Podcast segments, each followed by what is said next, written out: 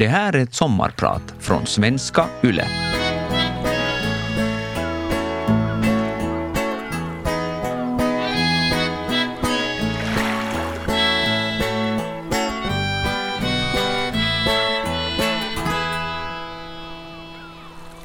Gymnastik var mitt favoritämne i högstadiet. Inte redskapsjumpa eller dans. Det skulle vara lagsport eller friidrott, där det på ett tydligt sätt gick att mäta tid, längd eller antal mål. För det var jag bäst på. Och jag älskar känslan av att slå ett personbästa. Men efter jumpatimmen kom den obligatoriska duschen. Jag avskydde den. För om det inte var nog med tonårsångesten, som de allra flesta upplever när kroppen genomgår puberteten, så är det ännu värre när det inte händer någonting. Ingenting. För att dra ut på tiden så hjälpte jag läraren att städa undan efter lektionen. Åt en frukt till mellanmål, klädde av mig i snigeltakt. Allt för att få vara den sista som gick i duschen. Jag hörde de populära tjejernas fnitter bakom min rygg. Kanske jag borde ha kört med deras taktik och sagt jag har glömt handduken, eller ironiskt nog, jag har mens. I början intalade jag mig att hälsovårdaren hade rätt. Jag var nog bara sen i utvecklingen. En late bloomer. Jag försökte nicka och hålla med när mina kompisar diskuterade mensskydd och olika bh-storlekar. Så småningom var jag den enda som inte hade fått min mens. Men jag tränar ju ganska mycket. Kanske var det därför. Till slut fick min yngre syster mens. Jag tror att det var då min mamma bestämde sig för att det skulle vara bra att träffa en läkare. Men ingen av oss kunde i det här skedet gissa vad blodproven skulle visa. Inte ens läkaren. När jag var 15 år fick jag veta att jag genetiskt sett är en man, trots att jag till det yttre ser ut som en kvinna. Jag heter Sari Jakobsen och jag är interkönad. Idag är jag din sommarpratare.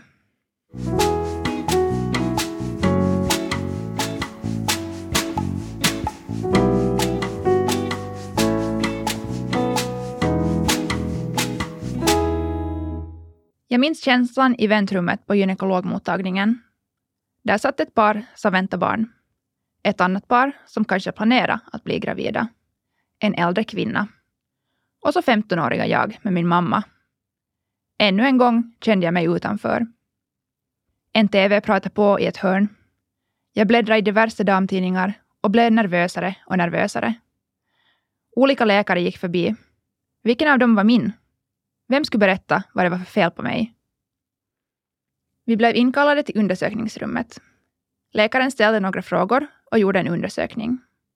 Hon sa att jag var en duktig och stark flicka och att allt kommer att ordna sig. Jag fick lämna blodprov på labbet. Sen skickades vi hem i väntan på svar. Att vänta på uppföljningen kändes outhärdligt eftersom jag redan levt i ovisshet och oro i flera år medan jag väntade på mensen som aldrig kom. Några veckor senare ringde läkaren min mamma och bad oss komma på återbesök. Jag märkte direkt på stämningen att det var någonting allvarligt. Inte som de tidigare gångerna när hälsovårdaren konstaterat att jag bara är sen i puberteten. Den här gången fick jag min diagnos. Tre ord som förklarar varför jag hade känt mig annorlunda hela mitt liv. Varför min kropp inte följde den biologiska klockan. Jag har ett syndrom som heter Androgen Insensitivity Syndrome AIS. Läkaren använde ett äldre namn, testikulär feminisering. Jag kände en enorm lättnad, men min hjärna gick på övervarv och försökte räkna ut vad det kunde betyda. Läkaren förklarade att det inte är någon sjukdom. Vad det däremot innebär är att jag, trots att jag har en kropp som ser kvinnlig ut, har en manlig kromosomuppsättning. Jag har alltså XY-kromosomer istället för XX som kvinnor har. Äggstockar och livmoder saknar jag helt, vilket betyder att jag aldrig kommer att få biologiska barn. Istället har jag outvecklade testiklar i magen, gonader, som skulle behöva opereras bort eftersom det i sällsynta fall kan utvecklas till cancer. Jag förstod nog inte allt direkt. Men jag var mån att lägga namnet på syndromet på minnet så jag kunde läsa på senare. En enorm nyfikenhet vaknade och jag började fundera. Hur har det här påverkat mig? Är jag egentligen en pojke? Jag hade inte alls samma emotionella reaktion som min mamma som bröt ihop totalt. Läkaren berättade också att jag skulle påbörja hormonmedicinering eftersom min kropp inte producerat tillräckligt med kvinnligt könshormon. Hormonerna skulle hjälpa min kropp att komma in i puberteten. Jag brann inombords för att få receptet på medicinen. Men nej. Först blev det mera blodprov, datortomografi och magnetröntgen för att kartlägga var i buken gonaderna satt. Jag skickades till Tammerfors för genetisk kartläggning för att bestämma den exakta mutationen i mina gener. Till Åbo för PET-undersökning. Det blev ett virrvarr av undersökningar och blodprover. Jag var omgiven av sjukdom och läkare, men jag kände mig helt frisk. Jag var helt frisk. Jag blev sjukskriven i en vecka för att ha tid att smälta nyheten. Vad skulle jag säga till mina kompisar? Sjukintyget hade inte ens någon kod för det jag har. Istället blev det något diffust som grovt nedsatt könskörtelfunktion. Mamma föreslog att vi skulle åka på en sista minuten-resa. Jag satt vid datorn och kollade resor samtidigt som jag sökte efter mer information om AIS. Jag hittade en amerikansk stödsida för andra som har samma syndrom som jag. Där lärde jag mig mycket av det jag vet idag. AIS hör till en grupp av syndrom som leder till att en person blir interkönad. Ett ord som säger mycket mer om mitt tillstånd än androgen insensitivity syndrome. I Finland föds varje år ett till två barn med det här syndromet. År 1991, när jag föddes, var jag det barnet. Men hur går det här ens ihop? Hur är det möjligt att jag och 2 procent av världens befolkning har biologiska egenskaper från båda könen? När jag låg i min mammas mage hade genetiken tänkt att jag skulle bli en man. Men för att en pojke ska utvecklas behövs en aktiv inverkan av manliga hormoner. Hormoner som min kropp inte reagerar på. Därför blev det istället en kvinnlig utveckling, i alla fall till det yttre. Och därför trodde alla att det var en flicka som föddes på Vasa centralsjukhus den där oktoberdagen 1991. Och det var det ju också, på många vis. Men jag återkommer till det alldeles snart.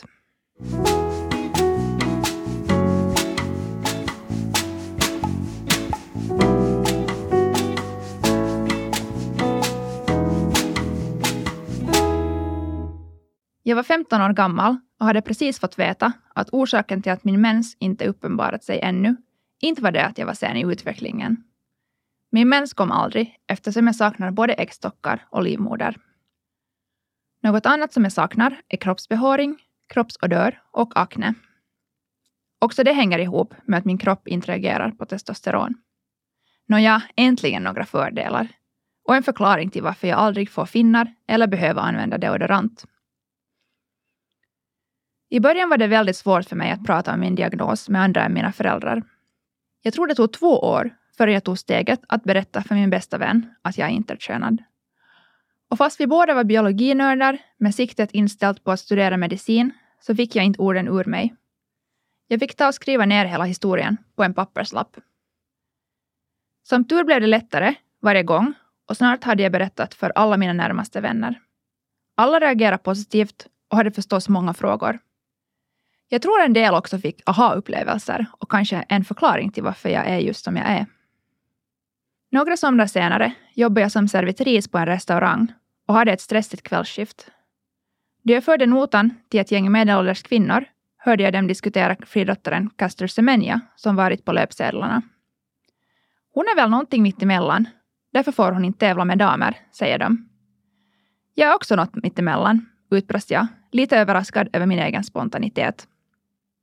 Min kommentar ledde till många nyfikna frågor från damerna, som minst sagt var lika överraskade som jag. Den kvällen gick jag från jobbet med ett brett leende på läpparna, för jag visste att jag hade tagit ett nytt steg på vägen mot att acceptera mig som jag är. Men det har inte alltid varit lätt. Jag är rätt lång och märker ofta att folk tittar på mina fötter för att se om jag har höga klackar.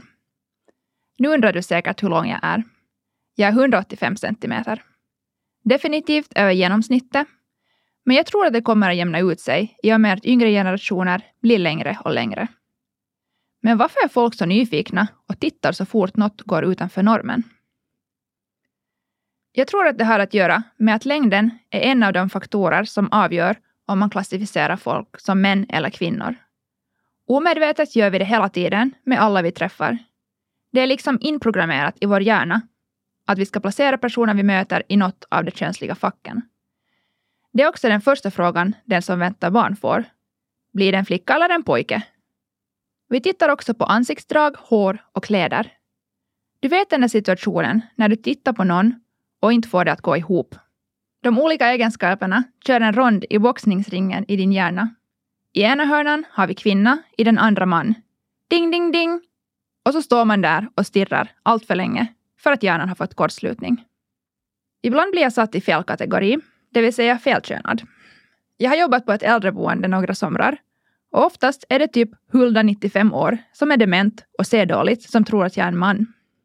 Men det som säger fel rättar sig oftast efter att jag har yttrat några ord och ber så hemskt mycket om ursäkt. Vårt samhälle är uppbyggt kring indelningen i två kön. Historiskt sett har det här bland annat resulterat i att läkare uppmanat inte-könade föräldrar att inte berätta för sina barn om deras tillstånd. Det har också varit mer regel än undantag att nyfödda barn som befunnit sig någonstans mittemellan på könsspektrumet behövt genomgå könskorrigerande operationer. Då har man helt enkelt valt det kön som så att säga ligger närmare till hands utan att barnet själv får bestämma. Min viktigaste hälsning till dig som lyssnar är att kön är ett spektrum. Det är inte antingen eller, utan en individ kan ha lite av både och. Det finns flera olika syndrom som leder till att en person kan ha en blandning av gener, genuttryck och hormoner som gör att man hamnar någonstans mittemellan på könsspektrumet. Människokroppen är fantastisk och det är så mycket vi ännu inte vet om den. Särskilt när det kommer till neurovetenskap. Därför har jag ägnat otaliga timmar åt att fundera på ifall jag har en manlig eller kvinnlig hjärna och hur mycket uppväxten och sociala sammanhang inverkar på vår utveckling. Jag har ju alltid varit intresserad av teknik, bilar och sport. Beror det på mina kromosomer eller är det bara så jag är? När det kommer till identitet så identifierar jag mig både som kvinna och interkönad. Kanske kommer det en dag när var och en får identifiera sig som de vill och jag kan ha ett X i mitt pass. Kanske byta till ett könsneutralt namn. Men just nu är det viktigast att interkönade individer inte längre behöver gömmas undan och tystas ner. Att vi talar om att vi finns. För vi är beviset på att kön inte är något binärt.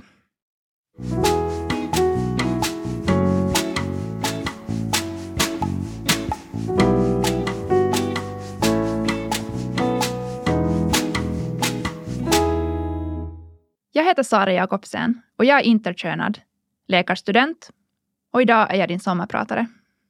Vi hoppar tillbaka till sommaren då jag var 15. Jag skulle ta min medicin för första gången. Östrogen, det vill säga kvinnligt könshormon. Jag satt på bastutrappan på mitt absoluta favoritställe i världen, villan i Vasas skärgård. Det var en tidig morgon, havet glittrade och det var vindstilla. Som jag hade väntat. Det kändes monumentalt. Men egentligen hände det inte så mycket. Varken när jag tog pillret eller veckorna efteråt. Eller åtminstone inte så mycket som jag hade väntat mig. Min längdtillväxt avtog och jag blev bredare runt höfterna. Inga humörsvängningar eller DD-kupor här inte. Gymnasietiden var inte lika ångestfylld som högstadietiden. Nu hade jag hunnit ikapp. Jag hade fördel av min längd då jag intresserade mig för basket och började tävla i det. Kompiskretsar byttes ut och jag var fast besluten att börja studera medicin. Några gånger under gymnasietiden tog min läkare upp operationen jag skulle genomgå. Men jag hade förstått att det var bra att vänta tills jag genomgått puberteten. Så det blev inte aktuellt förrän jag flyttat till Helsingfors för att studera. Efter studentskrivningarna skrev jag inträdesprovet till medicinska fakulteten. Men till min besvikelse kom jag inte in. Jag ville fortfarande flytta till Helsingfors, för det gjorde mina vänner. Så jag tog emot en studieplats på Arkada. Jag hade studerat ett par år när jag gick med på att utföra gonadektomin, operationen där mina outvecklade testiklar skulle tas bort. Min mamma och pappa åkte ner från Vasa för att vara med som stöd före och efter operationen. Det var en titthålsoperation och jag fick åka hem samma dag. Jag ångrar enormt att jag gav mig och gick med på operationen. Det fick nämligen väldigt negativa konsekvenser för mitt psykiska mående. Efter operationen justerades inte min medicinering. Också fast de hormonproducerande gonaderna opererats bort. Hormoner har ju en enorm inverkan, inte bara på fysiska förändringar i kroppen, utan också på vårt psykiska välmående. Egentligen tog det flera år innan jag kunde koppla ihop operationen med mitt mående. Alternativet skulle vara att följa upp gonaderna årligen om jag vet att hur operationen skulle påverka mig skulle jag absolut ha valt det alternativet. I början märkte jag ingenting. Men så småningom försvann min ork och motivation helt och hållet. Och den mörkaste tiden i mitt liv följde. Jag orkade inte studera, blev uppsagd från mitt jobb och mådde väldigt dåligt. Jag vet inte om folk runt omkring mig märkte, för jag fortsatte låtsas som att allt var bra. Men egentligen var det inte alls bra. Det var bara skalet av Sara som fanns kvar.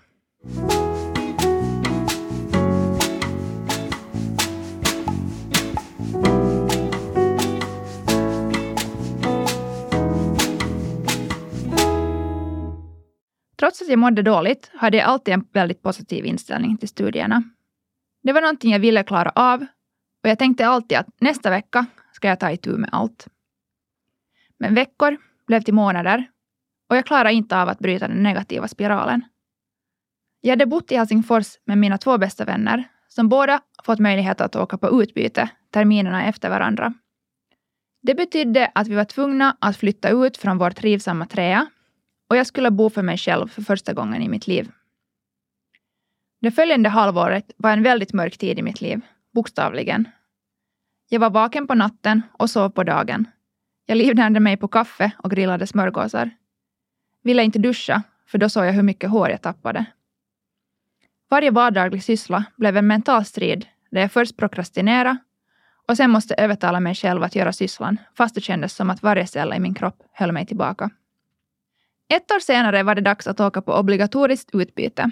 Jag hade träffat en tysk kille på nätet, så jag tog tillfället i akt och sökte utbytesplats i Tyskland. Jag åkte dit med en resväska och en Duolingo-kurs tyska i bakfickan. Det kändes skönt att komma bort från allting. Terminen sträckte sig från oktober till mars och jag ville ju såklart tillbringa så mycket tid som möjligt med min nyfunna kärlek, så jag planerade också att sommarjobba i Tyskland. Jag fick en arbetsintervju på ett stort svenskt möbelvaruhus som låg någon kilometer från vårt hem. Någon fördel måste man ju ha som svensktalande. Åtminstone kan man uttala produktnamnen. En annan fråga var om kunderna skulle förstå vad jag sa. Jag kunde nämligen nästan ingen tyska alls.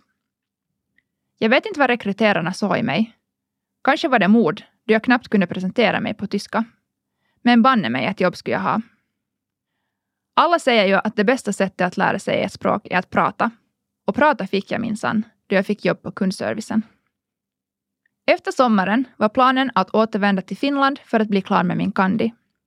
Men det kändes som ett stort obestigbart berg att återgå till studierna.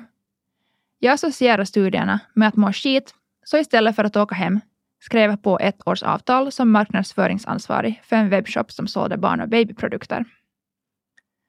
Vid sidan av jobbet hade jag också en hobby som blev allt viktigare för mig. En hobby som fört mig till världens alla hörn utan att jag behövt röra mig någonstans. Jag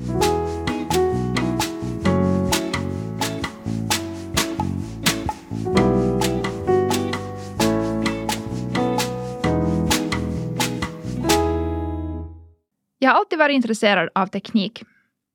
Jag var den där som gick upp och hjälpte läraren med projektorn eller högtalarna när ingen annan var frivillig. Med teknik följde såklart datorspel. Det bästa jag visste efter skolan var att få gå hem till någon kompis som hade dator och spela. Vi var ganska sena med att köpa hem en dator och också, fast jag flitigt önskade en spelkonsol av julbocken, uppenbarade den sig aldrig.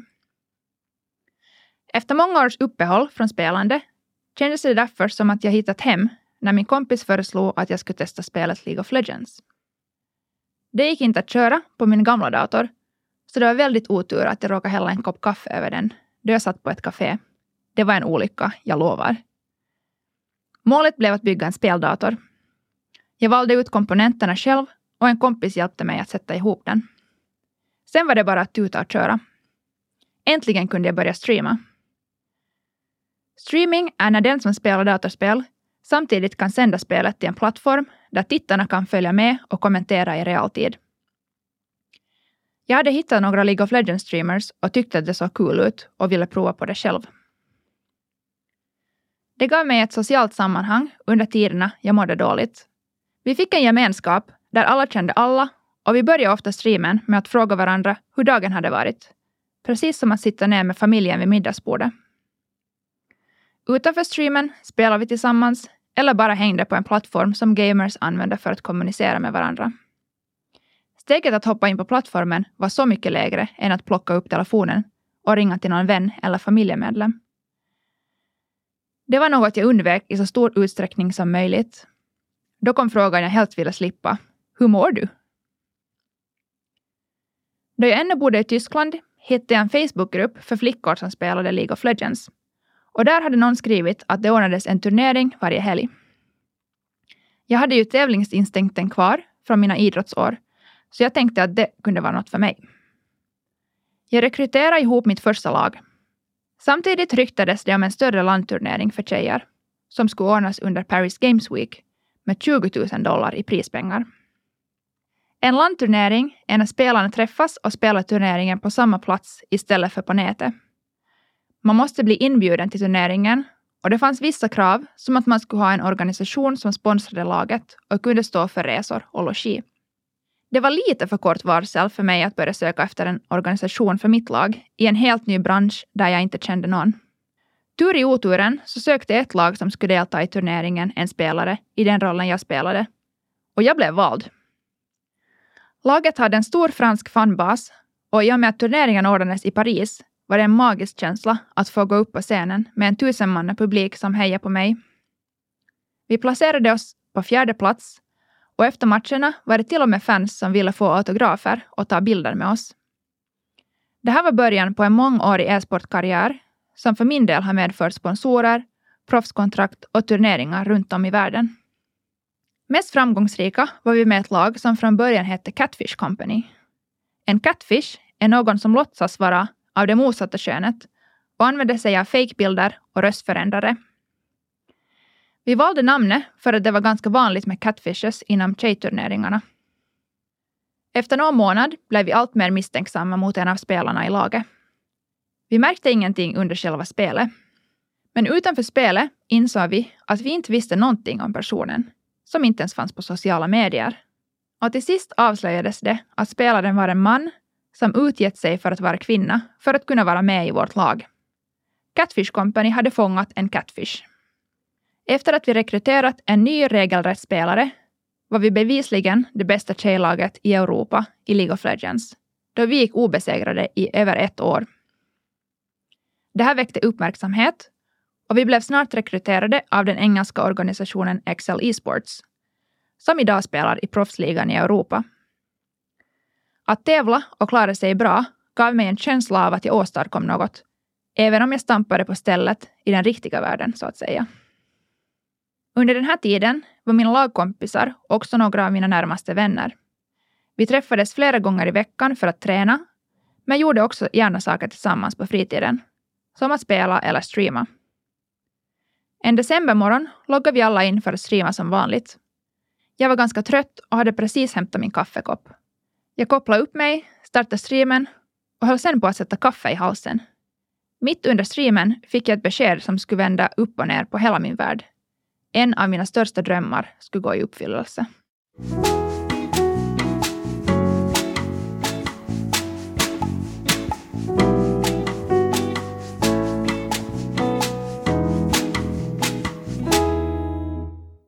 När mitt ettåriga arbetskontrakt i Tyskland var på väg att ta slut bestämde jag mig för att söka in till läkarprogrammet i Sverige.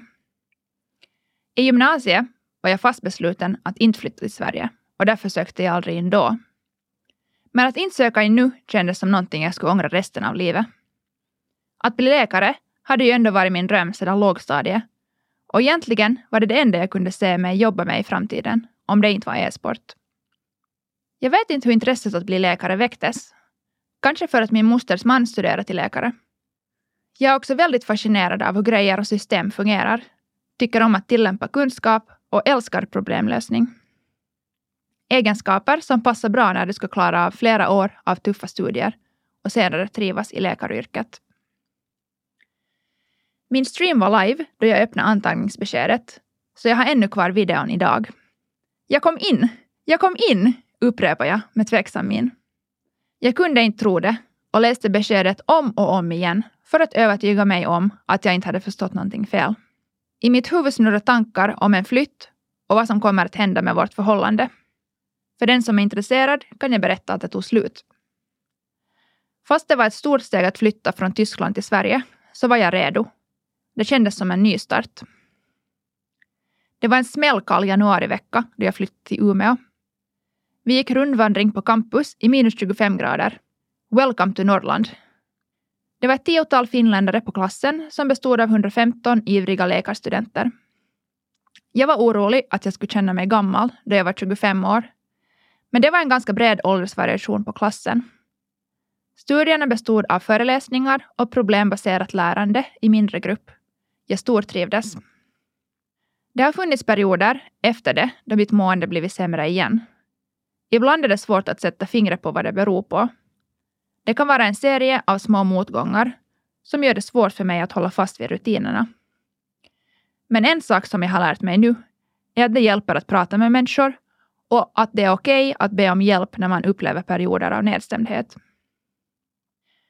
Jag har både vänt mig till studievägledningen och deltagit i ett program för stressade läkarstudenter där vi gjorde andningsövningar, yoga och meditation en gång i veckan. Sen kom pandemin. Det betydde övergång till distansstudier och inspelade föreläsningar. Fast många har upplevt det senaste året som väldigt jobbigt har det varit rent ut sagt en lyx för mig. Tänk att kunna se föreläsningar när jag vill, hur många gånger jag vill och till och med i dubbel hastighet om föreläsaren låter mer som en meditationsguide än universitetslektor. Allt det här kan jag göra i mitt eget bekväma hem. Gamers har ett speciellt band till sina datorer. Många andra associerar sin dator med jobb, obesvarade mejl och virtuella möten. Men för mig är min dator en av de lugnaste och hemtrevligaste platser som finns. Förra året fick jag också äntligen svar på varför mitt psykiska mående gått upp och ner så mycket. Det var dags att förnya mitt recept. Precis som alla andra gånger ringde jag min vårdcentral, men min egna läkare var inte på plats. Jag fick förklara min situation för en sköterska och sedan en annan läkare.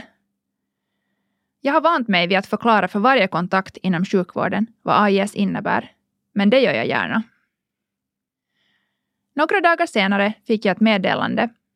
Jag skulle gå och träffa en gynekolog eller endokrinolog i och med att jag har hormonmedicinering. Lite överraskad konstaterar jag till slut att det kanske är bra att gå på en kontroll. Det var länge sedan sist. Gynekologen frågar mig om jag har nattsvettningar. Jag svarar ja. Trötthet? Jag svarar ja. Depression? Ja. Hon berättar att mina hormonnivåer är alldeles för låga och att jag borde ta dubbelt så hög dos östrogen. Efter operationen borde min dos ha justerats för att kompensera för de bortopererade gonadernas hormonproduktion. Men det gjordes inte. Jag bestämde mig för att stegvis trappa upp dosen. Precis som när jag för första gången tog medicinen kände jag inga direkta effekter. Men så småningom märkte jag förändringar. Jag vaknade inte upp i en pöl av svett på morgonen. Det gick lättare att koncentrera sig på studierna. Vardagliga sysslor kändes inte längre utmattande. Jag kan inte tacka läkaren nog. Hon gav mig mitt liv tillbaka. Jag har drömmar igen och ser hoppfullt på framtiden. Samtidigt så skrattar jag lite åt mig själv för att jag inte kommit på att mitt mående kunde bero på hormonerna. Men jag är ju bara 50 procent läkare.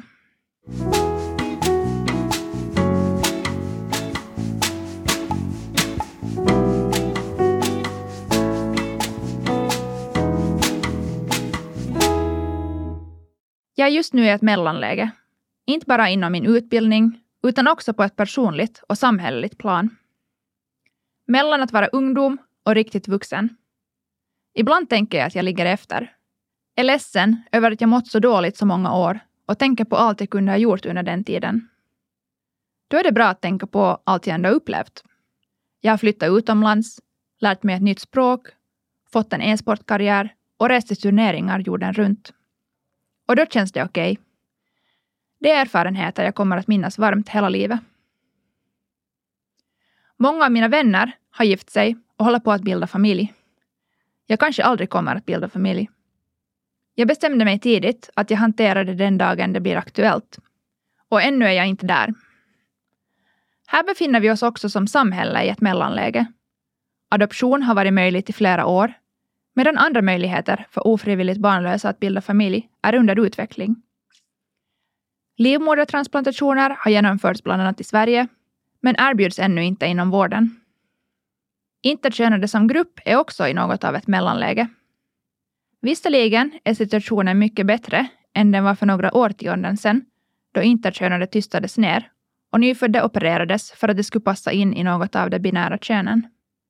Fler och fler interkönade vågar idag prata öppet om sin situation och det är där förändringen börjar. Sen följer allt annat. För bara ett litet tag sedan förbjöd Tyskland operationer på interkönade barn. En förändring som jag ser som nödvändig också i Finland. Det är en självklarhet att alla ska få bestämma över sin egen kropp. Ingen läkare eller förälder ska ha makt över det. Jag som har varit din sommarpratare idag heter Sara Jakobsen och jag utmanar dig att nästa gång din hjärna har den där boxningsmatchen mellan man och kvinna, gå in och ställ dig mittemellan, för det finns ingen vinnare.